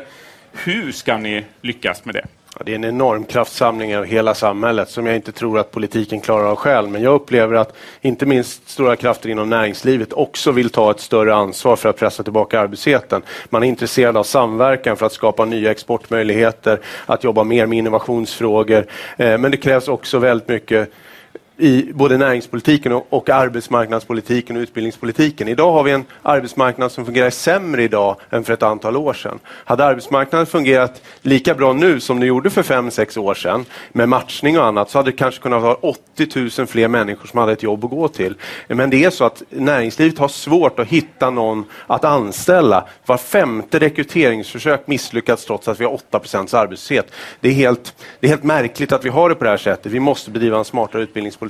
Elisabeth Svantesson, har du samma mål som Stefan Löfven? Jag tror man ska vara försiktig med att sätta upp ett siffermål. Det gillar ju Socialdemokraterna. Eh, och som ett pennstreck vill man liksom ändra hur det ser ut på svensk arbetsmarknad. Man vill införa ganska många tusen jobb i offentlig sektor, olika typer av insatser nästa år. Det ska ordna sig på ett år. Man vill ha YA-jobb, det ska ordna sig på ett år. Det som inte parterna kan komma fram med nu, det vill man göra. Låt mig påminna om att det är en sak att prata om jobb. Och jag tycker det är jättebra att Socialdemokraterna nu pratar om att jobb kommer i företag. Men då måste man också lägga en politik där faktiskt jobben blir fler. Där man inte höjer skatter, där man inte höjer kostnader att anställa och där man på riktigt tar tag i de problem som vi har. Höjer man transfereringssystemen väldigt kraftigt och lägger man på skatter på företag gör det dyrare att anställa, då blir inte jobben fler, de blir färre. Det är väldigt enkelt. Prata kan man göra, men så gäller det att leverera en politik. Jag kan förstå att eh, arbetsmarknadsministern inte gärna vill tala om målsättningar eftersom man blev vald en gång i tiden på ett löfte om att fixa jobbet och pressa tillbaka utanförskapet. Och idag nu, sju år senare, så vet man att arbetslösheten är högre. Att långtidsarbetslösheten har tredubblats i Sverige. Att det, abs- det liksom ultimata utanförskapet till socialbidragsberoende innebär att kostnaden för kommunerna är 25 procent högre för socialbidragskostnader idag än när ni tillträdde. Så problemet är att verkligheten är er största fiende. Det är inte Socialdemokraternas framtida förslag som du behöver argumentera emot egentligen. Vilka Utan du förslag måste, då, Mikael Du måste ju på något sätt vända Vilka på resonemanget och fundera på, du är ny arbetsmarknadsminister. Har du kommit med några nya förslag för att bekämpa arbetslösheten? Ja, det har vi. Kan Vad du ge bra. några exempel? Absolut, tack, Tack. för frågan. I budgeten nu inför nästa år till exempel så fortsätter vi just med unga. Just går vi på allvar tar vi tag med YA-jobben. Det Det är ett förslag som Stefan Löfven genomförde på svensk arbetsmarknad 2010 så det känns inte jättefräscht sådär. Men det är får bra. Det är säga. jättebra men det är inte skillnaden, med, skillnaden var ju då att det var några få antal jobb i Volvo. Nu gör vi det tillsammans i bred ansats med regeringen. Eh, regering tidigare regering har alldeles kommit fram till Det detta med parterna. Men en annan sak som vi gör, det är att vi riktar in och sänker kostnaderna ytterligare för de allra yngsta ungdomarna. För där ser vi att det är den största utmaningen för dem att komma i jobb. Det är viktigt. Vi fortsätter. En sak till, om du vill ha fler förslag som du kan titta på. Vi, säng, vi ser också till att vi får fler förmedlare för de yngsta, för de unga som kommer till Arbetsförmedlingen. Allt det där är viktigt för att det ska, ungdomar ska matchas till jobb. Ni talar båda om Arbetsförmedlingen. Det är spännande tider just nu. Imorgon går nämligen ansökningstiden ut för jobbet som ny generaldirektör och chef för Arbetsförmedlingen. Annonsen ligger fortfarande på regeringens hemsida och är du intresserad av det här jobbet så är det hög tid att söka får vi säga till våra tittare. Vilka drömnamn skulle ni helst vilja se? Eller i ansökningshandlingarna talar jag om då. Vad säger du om vi börjar med dig Elisabeth Svantesson? Jag pratar inte om namn kvaliteter. Men en person som kan leda en stor och viktig myndighet. Därför att vi har haft fem tuffa år. Många som tidigare gömdes och glömdes i statistiken finns nu på Arbetsförmedlingen. En person som förstår hur arbetsmarknaden fungerar och naturligtvis kan leda de 12 800 medarbetarna som finns på den här myndigheten. Det är otroligt viktigt. Mikael Damberg, vilka egenskaper efterlyser du? Nej, vid sidan av att det måste vara en kompetent person för att leda en så viktig myndighet som har stora problem idag, inte minst på grund av styrningen, så tror jag att man måste hitta en person som kan samverka. För att Poängen är inte att få in en person som, som bara kan administrera nya åtgärder för de som står längst bort från arbetsmarknaden. Vi måste få en arbetsförmedling som matchar, som har goda kontakter med näringslivet och företagarna, så man inser vilka behov har de av arbetskraft och faktiskt kan matcha med utbildning och andra insatser de arbetslösa för att kunna ta de nya jobb som växer fram. Så samverkan, både med näringslivet men också med kommuner runt om i Sverige som gör viktiga insatser för att få tillbaka folk. Mikael Damberg kan vara lugn, det finns med i kravprofilen. Är... Bra. Elisabeth Svantesson, på Moderaternas stämma i oktober fick du i uppdrag att göra en genomgripande översyn av Arbetsförmedlingen. Går det överhuvudtaget att rädda Arbetsförmedlingens rykte som du ser det? Jag tror att det är viktigt att se, som jag sa tidigare, att det har varit fem tuffa år och många människor som hade lite stora utmaningar att komma in på arbetsmarknaden innan har haft det tufft. Vi har också nya grupper där. Då är det viktigt att göra den här översynen och den har också regeringen aviserat eh, och se hur kan vi göra saker bättre? Finns det saker som Arbetsförmedlingen inte ska göra? Att göra en översyn är viktigt. Myndigheten har funnits i det här skicket sedan 2008 och då tror jag är helt riktigt att utvärdera. Och naturligtvis är det så att det här som Mikael var inne på med samverkan är otroligt viktigt, att den kan förbättras också Arbetsförmedlingens arbete med arbetsgivarkontakter. Därför det är ju de här personerna som står längst bort, som inte har egna nätverk, som är så beroende av att Arbetsförmedlingen faktiskt är ute hos arbetsgivare, bygger relation, bygger upp förtroende både hos arbetsgivare och såklart hos arbetssökande. I våras mötte jag dåvarande arbetsmarknadsministern Hillevi Engström och Socialdemokraternas eh, Ylva Johansson i en debatt här i Bar och politik. Då handlade det framförallt om fas 3. Det du berättar här är nu att ni har försökt allting och det går ändå inte. Och nu är det 34 000 personer i fas 3 och varannan timme dygnet runt alla veckans dagar hela året så blir det en person till i fas 3. Det bara fylls på och fylls på och fylls på. Och det du egentligen säger, vi har försökt allt men det går inte. Då kanske Nej. det är dags att faktiskt byta politik. Men det är människor varje månad som lämnar sysselsättningsfasen fas 3 och hälften av de som lämnar går till arbete. Det är alldeles för få, men det är också en utmaning om man ska vara realistisk så är det så att det är företagen som fattar beslut om anställningar. Det är varken Ylva eller jag som bestämmer vad kommunerna anställer eller privata näringslivet. Elisabeth Svantesson, för några veckor sedan avslöjades det att pengarna till fas 3 är slut. Arbetsförmedlingens budget är redan spräckt. Och det kom som en nyhet eh, för dig. Vad har du gjort för att hantera detta? Det så var det då en nyhet att man inte tidigare hade rapporterat in det. Och vi, vi fick en hemställan som det så fint heter eh, och den bearbetade vi väldigt skynds, skyndsamt i regeringen och på en vecka så fattade vi beslut om också att de får fler resurser. Mikael Damberg, vi hörde kritiken från din partikamrat Ylva Johansson här. Vilket ansvar menar du att regeringen har när det gäller fas 3? Ja, fas 3 är ju en väldigt misslyckad insats. Alla utvärderingar visar att det ger väldigt lite effekt. Och framförallt så försätter man de här människor, arbetslösa människorna i ett väldigt utsatt läge. Där de inte får jobba, får ingen lön, får göra arbetsuppgifter som inte får vara riktiga arbetsuppgifter. Och det här blir en återvändsgräns. Man har också förnekat de här riktiga långa utbildningar som de faktiskt kan få ett jobb på, på arbetsmarknaden som fungerar. Det här blir en återvändsgräns som vi måste avskaffa och vända. Och därför har vi sagt att fas 3 måste avvecklas för att göra andra andra insatser för de här människorna. Och vi satsar väldigt mycket pengar på att göra, ge de här människorna en chans att komma tillbaka till arbetsmarknaden. Ja, det, men jag har ju läst Socialdemokraternas förslag. Vad jag ser är ju att det här är personer som har varit borta från arbetsmarknaden väldigt länge. Och det är viktigt att man är i aktivitet. Tidigare var det just de här personerna som glömdes och gömdes i statistiken. Nu finns man i, i, på en arbetsplats i en organisation. Men att på ett år, som ni föreslår, skaffa 20 000 extra tjänster i offentlig sektor, göra så, det är inte realistiskt jag vet att ni föreslår att man ska rusta upp miljonprogrammen. Jag tror inte att Elektrikerförbundet och mål, Målarförbundet och så vidare kan tycka att det är en lysande idé. Jag tror att vi ska fortsätta satsa på att de här personerna som behöver Utbildning ska ha det, men man, framförallt ska man finnas i en miljö där man kommer närmare ett arbete. En del är väldigt nära redan nu och behöver inte lika mycket stöd. En del står längre bort och behöver olika typer av stöd för att verkligen komma i arbete. Men grunden ändå, för de personerna eller för de unga som vi pratar om, det handlar om att jobben måste fortsätta bli fler. De har blivit 200 000 fler trots en väldigt tuff kris. De ska fortsätta bli det. Och då har också många av de här personerna mycket större chans att komma i jobb. Men det är inte platser i offentlig sektor. Vi behöver jobb dit man kan gå. Problemet är att det här är platser de får ju inte göra riktiga arbetsuppgifter. Vi har ju sett skräckexemplen själva på arbetslösa får måla om stolar och när de är färdiga får de måla om dem i en annan färg. Istället för att hitta arbetsuppgifter som skulle öka kvaliteten i äldreomsorgen, där människor har tid att gå ut med gamla människor som inte hinner med det. Vi har lyckade kommunala exempel där man rustar miljonprogramsområdet med hjälp av människor som varit arbetslösa förut. Att faktiskt måla om lägenheter och sånt. Enklare arbetsuppgifter som kan kombineras med en utbildning in i yrkesutbildning, yrkes, Eh, Eh, in i ett yrke som har visat sig fungera på kommunal nivå. Så jag tycker att istället för att säga nej till alla förslag som faktiskt ger de här människorna riktiga jobb, riktiga löner och bra utvecklingsmöjligheter så borde regeringen fundera på varför växer fas 3 hela tiden? Vad är det som gör att det växer och varför kommer inte fler människor ut från det här? Kan man inte efter några år ändå dra slutsatsen att det här var en insats som inte fungerade, låt oss göra någonting annat? Vi har ju infört någonting som heter särskilt anställningsstöd. Det är att arbetsgivare anställer en person som har stått utanför under lång tid och betalar 15 procent av lönekostnaden.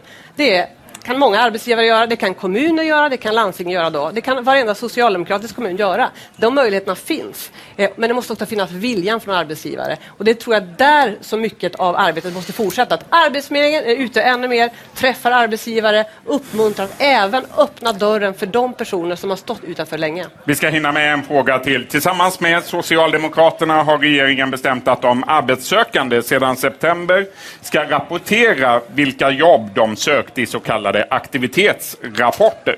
Fortfarande saknas eh, rapporter från 40 000 arbetssökande. Varför händer inget, Elisabeth Svantesson? Ja, för det första tror jag var väldigt viktigt att man en gång i månaden på ett strukturerat sätt faktiskt rapporterar in de jobb man har sökt eller vilka intervjuer man har varit på. Det tror jag gör samtalet mellan arbetsförmedlare och den arbetssökande betydligt bättre. Sen är det så att det är en utmaning att vissa personer då inte har skickat in de här rapporterna.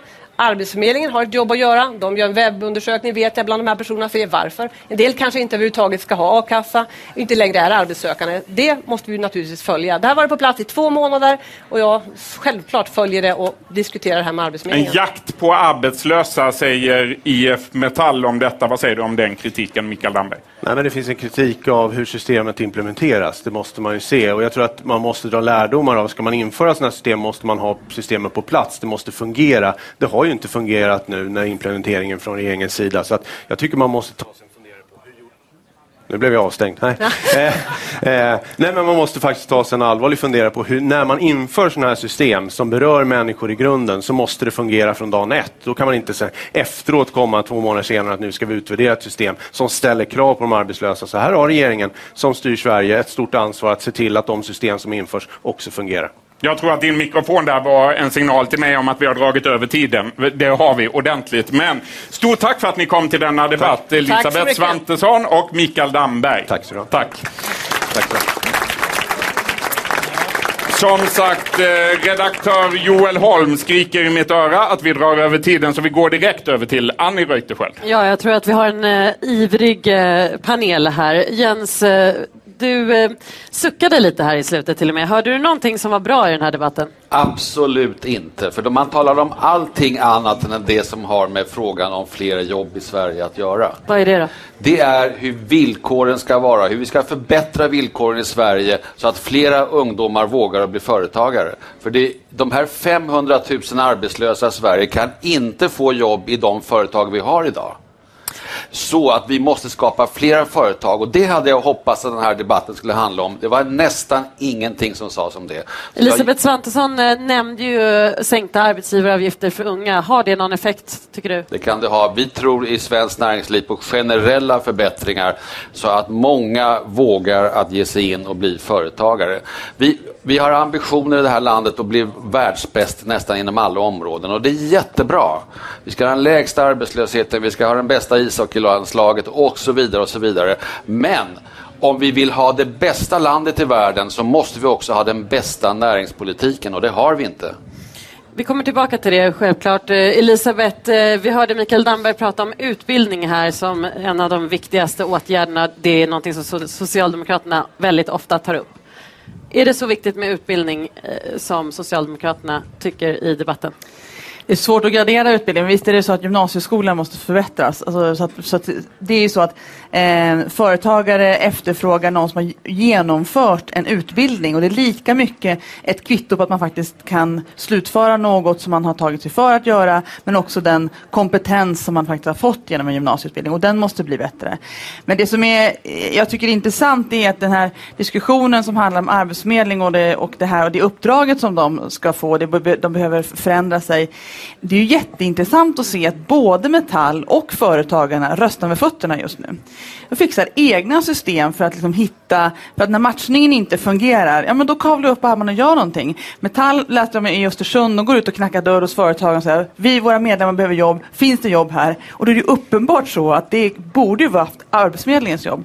Företagarna har gjort på liknande sätt. Vi har ett, ett projekt där vi har eh, arbetsförmedlare som vi har satt på våra regionkontor som ringer upp företagare och säger hej, har du något jobb som måste göras? Och det finns det ju. Det finns massa jobb men de har inte velat vara i närheten av Arbetsförmedlingen för att de aldrig tyckt att de fått bra service. 15 procent av företagarna kommer till Arbetsförmedlingen två gånger. Om någon känner till en verksamhet där man har återköpskunder med 15 procent vet att den kommer inte funka bra. Tobias, eh, tycker du också att Arbetsförmedlingen måste förändras? Ja, jag tror att den behöver göra, den behöver reformeras. Där, där delar Elisabeth syn på det. Alltså det det behöver verkligen göras. Eh, och i övrigt kring debatten så kommer vi konstatera att, att eh, nya arbetsmarknadsministern också fortsätter med de här eh, arbetsgivaravgiftssänkningarna som, som, som är väldigt svåra att se leder till, till fler jobb. De är väldigt svåra att mäta.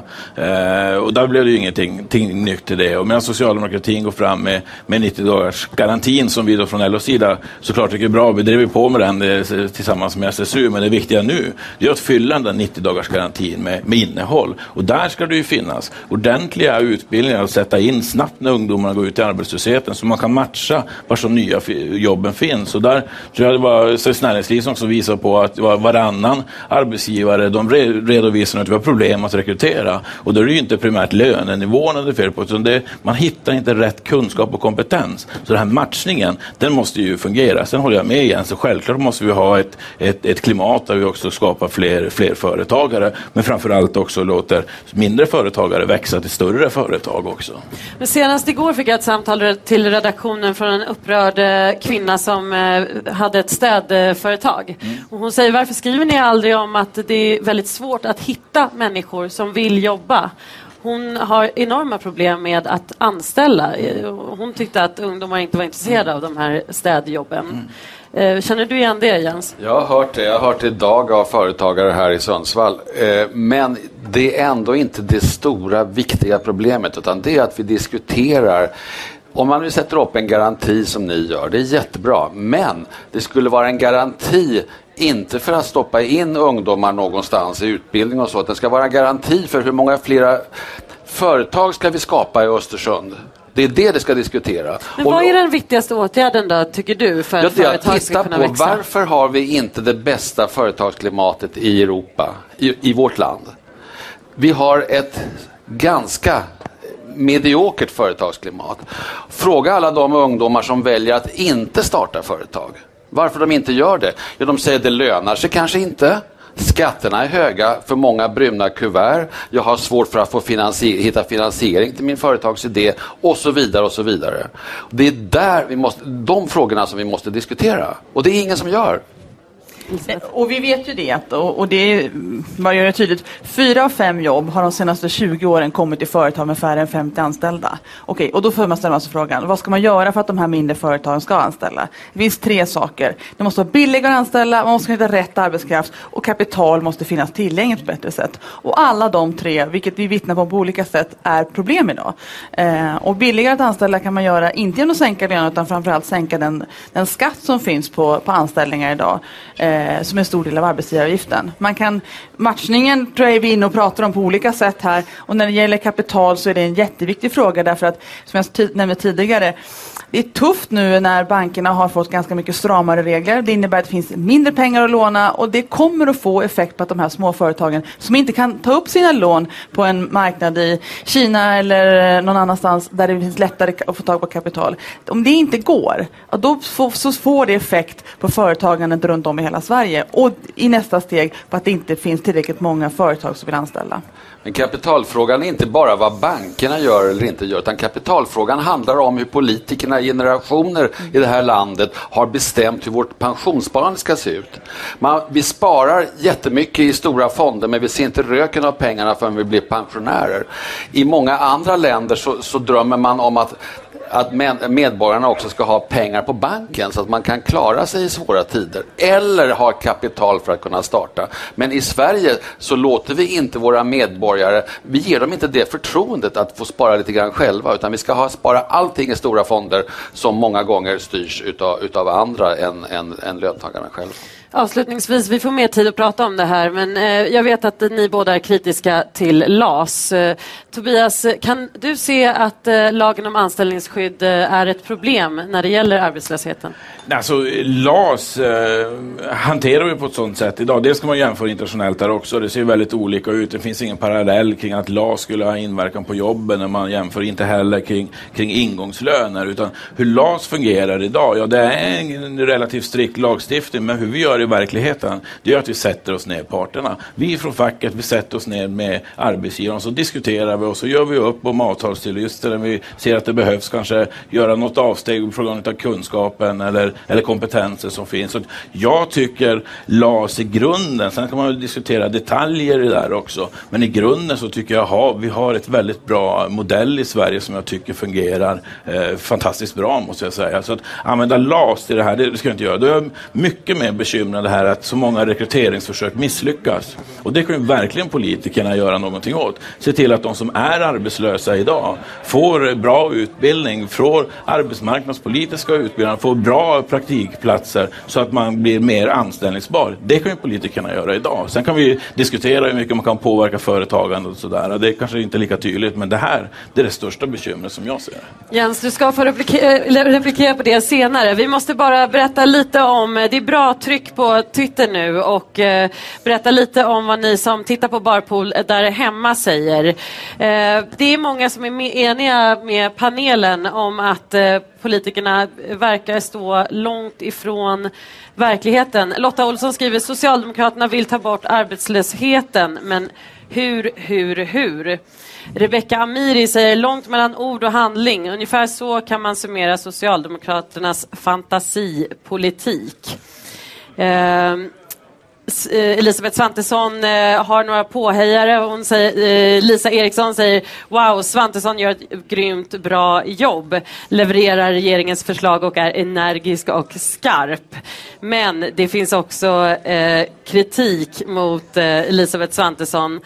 Eh, Henrik Andersson säger Svantesson verkar nöjd, anmärkningsvärt. Moderata arbetsmarknadsministrar kommer och går men arbetslösheten består. Niklas, Ja. Många reaktioner som sagt på Twitter och för nytillkomna tittare ska jag säga att ni tittar på en direktsändning från Södra berget i Sundsvall. Vi har fantastiska bilder som ni ska få se nu eh, över Sundsvall om ni tittar. Eh, det här är en kamera som sitter på utsidan. Ja, ni ser ju vilken härlig stad. Vi ska kalla upp nästa gäst på scen. Han ska nu få chansen att övertyga KG Bergström. Jag säger välkommen upp på scen. Statssekreteraren i statsrådsberedningen tidigare, Per Slingman. Välkommen. Idag är du egenföretagare och rådgivare i näringslivet. Tackar. Det var tur att jag, jag visste inte det du syftar på eller vem du syftar på. Du, eh, Per Slingman, mannen som bytte ut Samlingspartiet mot Arbetarpartiet när vi talar om Moderaterna. Varför var det ett vinnande koncept? Därför att vi utmanade människors föreställningar och vi fick eh, människor att få väldigt mycket känslor. Jag kommer ihåg när vi skulle eh, det var ju så att Fredrik testade ju först arbetarpartibegreppet i tal och det var ingen som brydde sig. Och sen så tryckte vi upp ett gäng affischer i samband med att vi presenterade rapport. Och då tror jag till och med KG Eh, tyckte det var lite spännande. Det, var väldigt, det blev väldigt mycket dramaturgi. Och sen gjorde jag en sån här webbpanelstest. Eh, och den visade sig att väldigt många tyckte att vi saknade all trovärdighet. Men Jag det tror vi får fixa till det väckte känslor. Ja. Fast, ja, jag håller. Eh, Ja, eller om vi kan få lite hjälp med ljudet till Per Schlingmann, det kommer här. Eh, det finns de som menar att Moderaterna i själva verket bara är bra på leken med ord, men att politiken egentligen har samma innehåll som tidigare. Vad svarar du dem? Ja, Jag har, jag, har, eh, jag har noterat det, att det är ett ganska vanligt förekommande från vänstersidan. Jag tror att om man skulle göra det så skulle man vara dömd att misslyckas. Och det är det som är den tuffa utmaningen idag med Twitter och all transparens och sådär. Att, att om du säger någonting som inte stämmer så får du höra det direkt. Så jag skulle säga att jag tror att det faller på sin egen orimlighet. Och jag tror att om jag ska ha lite mer fris, liksom utanför perspektiv, att ser man på socialdemokratin och Löfven som pratar om att vara ett framtidsparti så tror jag att utmaningen handlar väldigt mycket om att också fylla med ett innehåll för att det blir trovärdighet. Att säga någonting är väldigt lätt.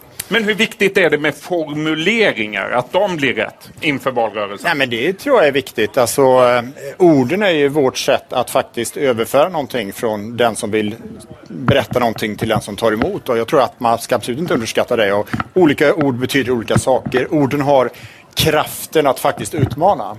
Och jag tror att Göran Hägglund var här tidigare och jag tror att utmaningen för partier det är kanske inte så mycket att man uppfattas fel och sådär utan det är att ingen bryr sig. Så vad jag tror det handlar om det är att uttrycka sig på ett sätt, utmana föreställningar som man centrerar sig, som gör att människor måste förhålla sig till dig. Och det var ju någonstans det jag tyckte att vi delvis lyckades för när det gäller nya Moderaterna. Alltså människor som en gång hade bestämt sig för att jag kommer aldrig rösta på det här partiet. Kände att, men jag måste fundera en gång till för nu är det nya Moderaterna. Per Schlingmann, du var en av statsministerns närmaste medarbetare i flera år. Saknar du det jobbet? Ja, inte än i alla fall. Vi får väl se. Jag har, eh, jag har så fantastiskt roligt nu så att vi får väl se om jag får abstinens eller inte. Men det är en väldigt vanlig fråga jag får från många. Det har ryktats eh, om att du lämnade regeringskansliet för att du inte fick bli statsråd. Hur var det med det? Ja, jag kan faktiskt dementera det.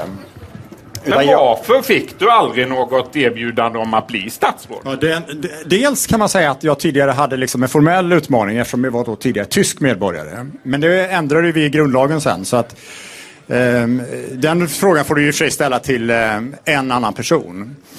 Det och jag vet inte heller vad jag hade svarat om jag hade fått frågan faktiskt. Så nu har jag sagt att jag aldrig fått frågan.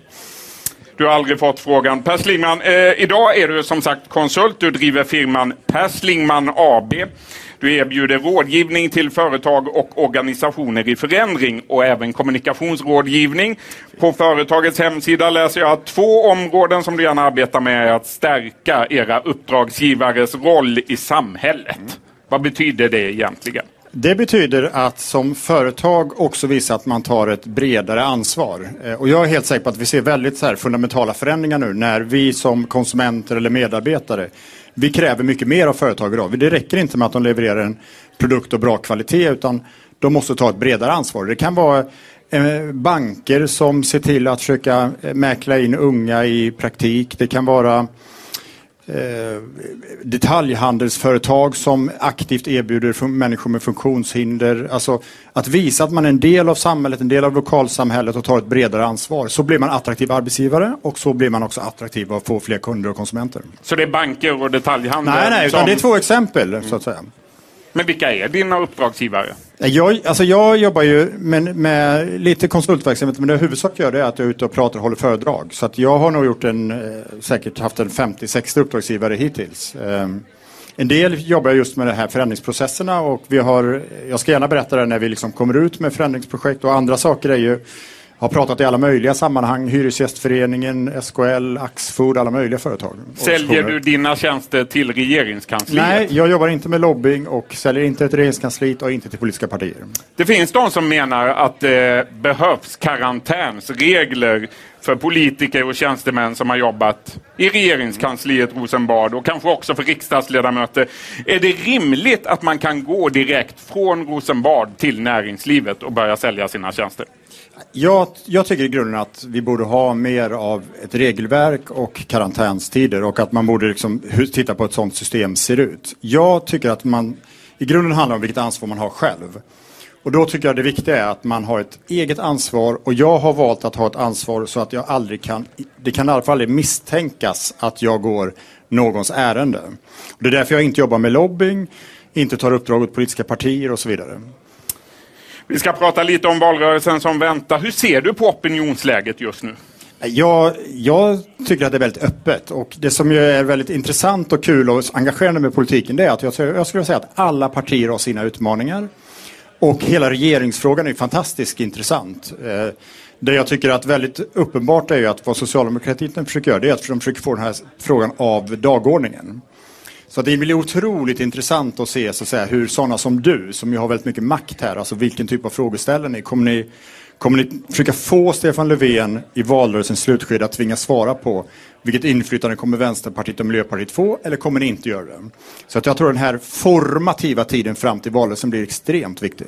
Men är det inte Eh, finns det inte något vettigt i det faktum att man vill samarbeta mer över blockgränserna, som Stefan Löfven säger? Ja, alltså här måste man ju utgå från ett medborgarperspektiv och jag tror att det finns två sidor av det här myntet. Det ena är att jag tror att det finns väldigt brett stöd för det bland människor. Alltså svenska väljare gillar pragmatiska politiker som i samförstånd försöker hitta bra lösningar för Sverige. Problemet är ju, om man har det förhållningssättet inför ett val, det är att, att väljarna får till slut inga demokratiska möjligheter att fatta beslut. Därför att om alla bara vill samarbeta med alla, så, så, så vem, vem, vad tycker partierna? Och jag tror att det Löfven måste göra det är att hitta en balans här. En balans mellan egen tydlighet och en öppenhet. Jag noterar exempelvis i energifrågan så är det väldigt mycket så. Där är ofta huvudsvaret från S att vi ska komma överens. Men utan att deklarera egentligen en egen inriktning. Och jag tror att vad som kommer ske är att Löfven kommer tvingas bli mer tydlig tror jag. Också vad Socialdemokraterna själva vill. Fram till 2010 var du partisekreterare för Moderaterna. Idag heter partisekreteraren Kent Persson. Många menar att han bär skulden för att så många har valt att lämna Moderaternas partikansli. Han är svår att samarbeta med sägs det. Vilken är din bild av Kent Persson? Jag har en väldigt positiv bild av honom. Jag kan inte jag vet faktiskt inte varför människor har lämnat eller så vidare. Jag, jag tycker också man ska komma ihåg det att jag blev ju partisekreterare 2006 och Eh, det var ju klart att den första tiden är ju väldigt liksom, svår och utmanande eh, och man växer in i den här rollen. Eh, jag tycker att Kent har en fantastisk förmåga, till skillnad mot exempelvis vad jag hade, att, att förhålla sig till människor och vara nyfiken och träffa människor, alltså träffa väldigt breda väljargrupper på ett sätt som Politiken befolkas ju annars av, av väldigt eh, smalt rekryterade personer med liksom en akademisk utgångspunkt och Kent har mycket mer en, en bredare, mer människonära utgångspunkt. Så jag har en väldigt positiv bild. Till sist då, i det här programmet betyder Twitter och sociala medier väldigt mycket. Många här twittrar, många i panelen, flera i panelen gör det, Göran Hägglund gör det.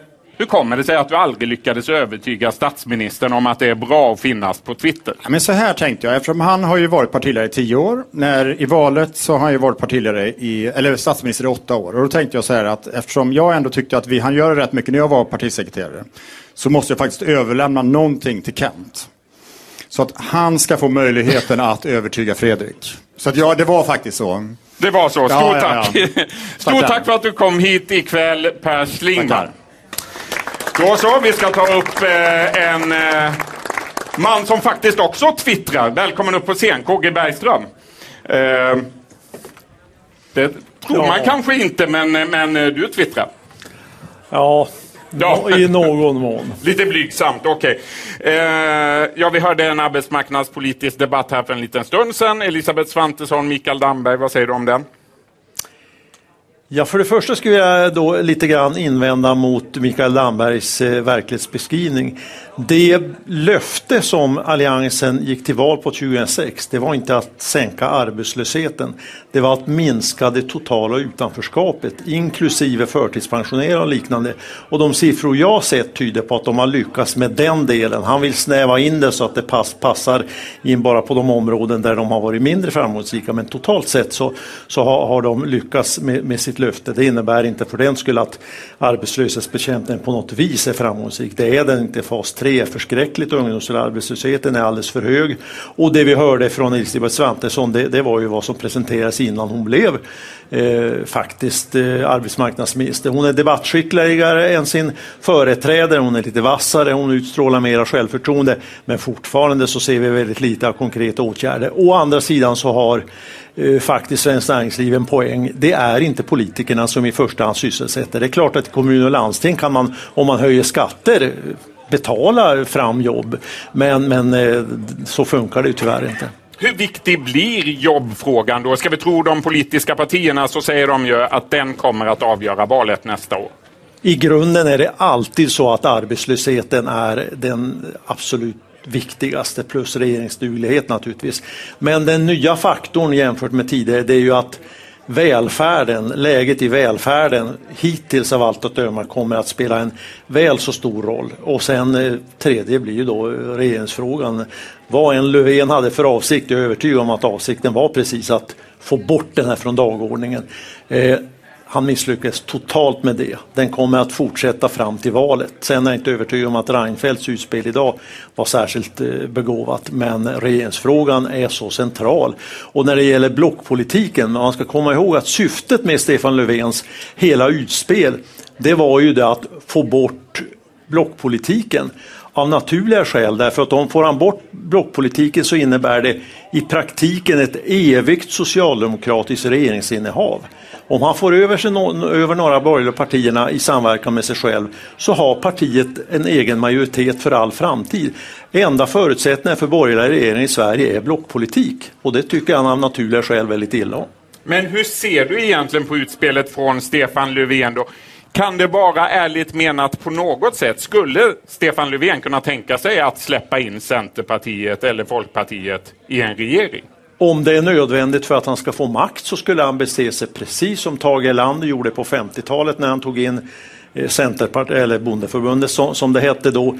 Eh, precis som Göran Persson gjorde på, ja först Ingvar Carlsson, sen Göran Persson gjorde på 90-talet eh, med Centern. Självklart när de egna rösterna inte räcker till, då försöker man skaffa sig de som krävs. Och eftersom man vet att Vänsterpartiet är en belastning många väljare tycker illa om att bli beroende av ett parti som vill höja skatterna så väldigt mycket. Så då har man ju inget annat val än att försöka bryta upp den borgerliga fronten. Det har lyckats ett antal gånger därför att det finns alltid maktsugna borgerliga politiker, i synnerhet i de mindre partierna. Men jag tror att det är ett helt annat läge nu när man har suttit i regering tillsammans. Vi har en helt annan borgerlighet än vad vi hade på 50 och eh, 60 och 70 och 80 och till och med 90-talet. Då i ett skede var det ju så att de knappt ville ställa upp på bild tillsammans. Det, det, var, det var ett skop när man lyckades få en bild av Torbjörn Fälldin och, och de här tillsammans. Numera är det fullkomligt eh, naturligt och jag tror att de borgerliga väljarna eh, känner mycket tydligare borgerlig identitet än vad man gjorde tidigare då. Centerpartisterna var ju, stod ju lika nära Socialdemokraterna som, som de stod borgerliga partier. Nu är Centerpartisterna det mest nyliberala partiet i otakt med tiden tycker jag, men i alla fall mer, mer borgerliga än någonsin. Till sist då KG Bergström, vi hörde Per Slingman alldeles nyss. Eh, hur betydelsefull var egentligen eh, Per Slingman för de nya Moderaterna? Bra att jag fick den frågan. Nu måste jag då allra, nu måste jag då allra först säga det att Per Slingman är en av de mest sympatiska politiker jag har träffat. Han var uppenbart en utomordentligt bra chef. Det säger du bara för att han står kvar här nere tror ja, jag. jag kunde, jo, nej, jag, riktigt. Jag skulle ha gått rakt på nästa led, men man måste visa någon anständighet. Han var en uppenbart mycket bättre chef än nuvarande partisekreterare. Han hade en förmåga att entusiasmera, vilket är en överlägsen chefsegenskap oavsett vad det handlar om. Men han är PR-knutte från början. Han är en reklamman och överskattar marknadsföring och reklam i en utsträckning som är orimlig. Det som var det stora och det som gjorde att vi fick två borgerliga regeringar 2006 och sen eh, omval 2010, det var Moderaternas omgörning av politiken. Det var att man accepterade arbetsrätt, att man slutade intressera sig bara för skattesänkningar för de allra rikaste, flyttade ner det till metallarbetare, lärare och så vidare. Det var den de politiska sakfrågorna förändrade. Det var det som avgjorde. Jag ifrågasätter om någon enda väljare oavsett vad eventuella beställda opinionsundersökningar visar, om det var någon enda väljare som röstade på Moderaterna därför att de kallade det nya arbetarpartiet eller arbetarpartiet. No way, de gjorde det därför att de för det första inte ville ha Miljöpartiet i regeringen som var aktuellt 2010.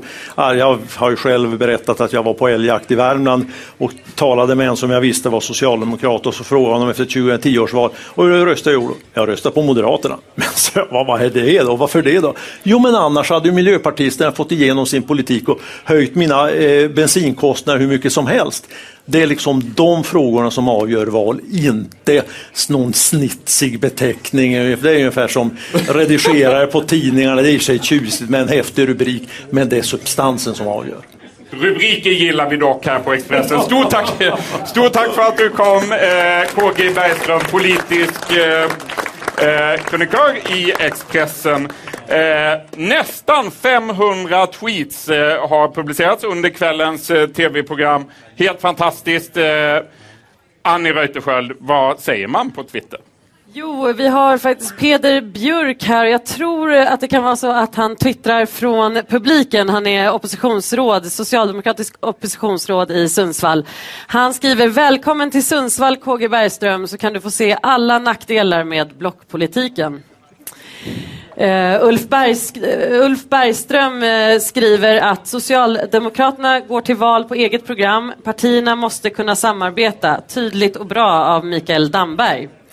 Vår chef för ledarredaktionen, Anna Dahlberg, tittar på programmet och hon skriver Jag skulle vilja se den dag när näringslivets företrädare är nöjda med näringslivsklimatet. Så då går vi över till panelen. Jens... Ja, den kommentaren var ju ett hån mot alla arbetslösa 500 000 svenskar. Det var det dummaste jag har hört. Utveckla, varför? Jo, därför att om hon tror att på annat sätt än att det är människor som startar flera företag om hon tror att jobben skapas genom att de kommer från himlen så har hon alldeles fel. Utan det är ju just genom att svenskar vågar starta företag. Och då är det klart att det betyder vilket klimat vi har för företagande i Sverige.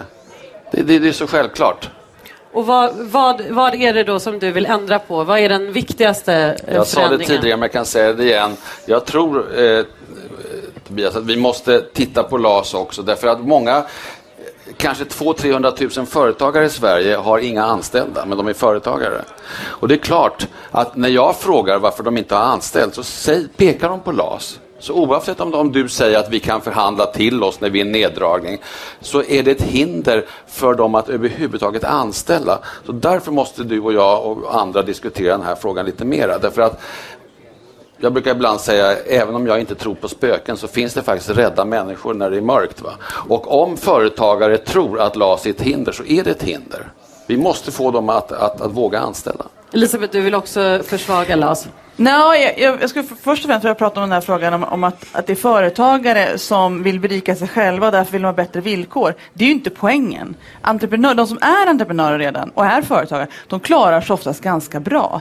Men det är ju de jobb som inte blir till därför att det tar för lång tid att få vissa tillstånd, att de inte kan växa den takt de behöver, att det finns vissa skatter som gör att det blir skevheter. Det är det som är problemet.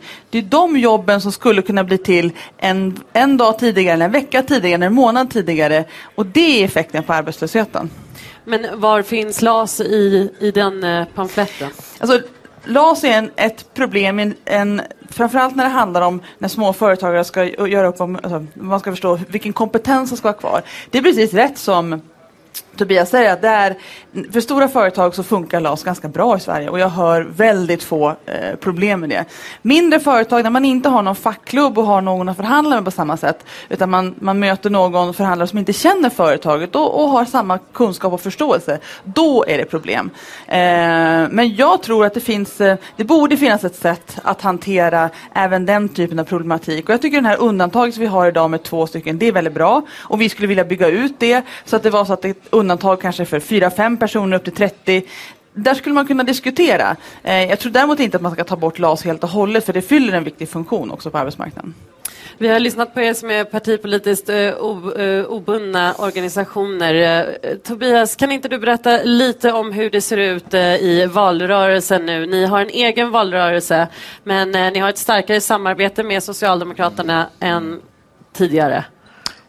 Ja, kanske inte ens tidigare. Vi har en facklig politisk samverkan just med Socialdemokraterna förut och den bygger på en långvarig tradition. Men vi ser också att den har tjänat våra medlemmar väl, men också tjänat Sverige väldigt väl, så vi tror på den. Vi ska utveckla och driva den framåt. Så vi går ju in med, med full kraft nu i den här valrörelsen och då handlar det ju för oss om att, att uh, byta regering och vi vill ju se en socialdemokratisk uh, ledd regering och grunden Vill alla LO-medlemmar det? Eh, drygt 50 procent röstade och drygt över 70 procent röstade på det, på det rödgröna. Men återigen, vi ser vad vi behöver göra och behöver satsa på nu. Det är att satsa och stärka och se till att vi får fler jobb. Eh, hur samarbetar ni med Socialdemokraterna då, på ett mer konkret plan?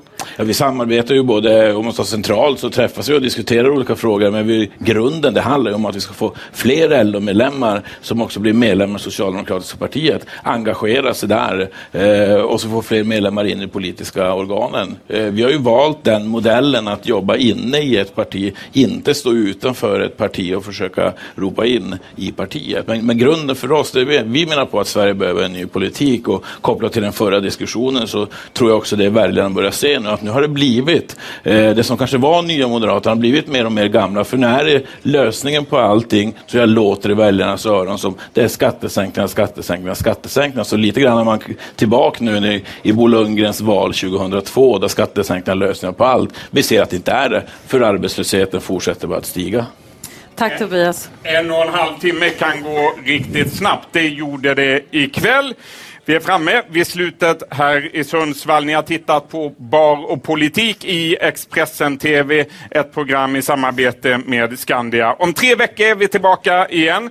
Då sänder vi från Stockholm, Clarion Sign. Bland gästerna finns Vänsterpartiets partiledare Jonas Sjöstedt. Ni möter Sverigedemokraternas partiledare Jimmy Åkesson och Miljöpartiets språkrör Åsa Romson. Dessutom kommer Socialdemokraternas skuggfinansminister Magdalena Andersson. Missa inte det. Fortsätt gärna att kommentera kvällens program på Twitter. Nu passerade vi 500 tweets under det här programmet. Det är fantastiskt. Använd hashtaggen barpool. Dags då för mig nu att lämna över till min kollega Anna Jernberg Karlsson, kvällens programledare i Primetime i Expressen TV. Redaktör ikväll har varit Joel Holm, projektledare Elsa Falk, producent Mikael Koff och ansvarig för ljudet har varit Staffan Engvall. Nu tillbaka till studion på Kungsholmen i Stockholm. Tack!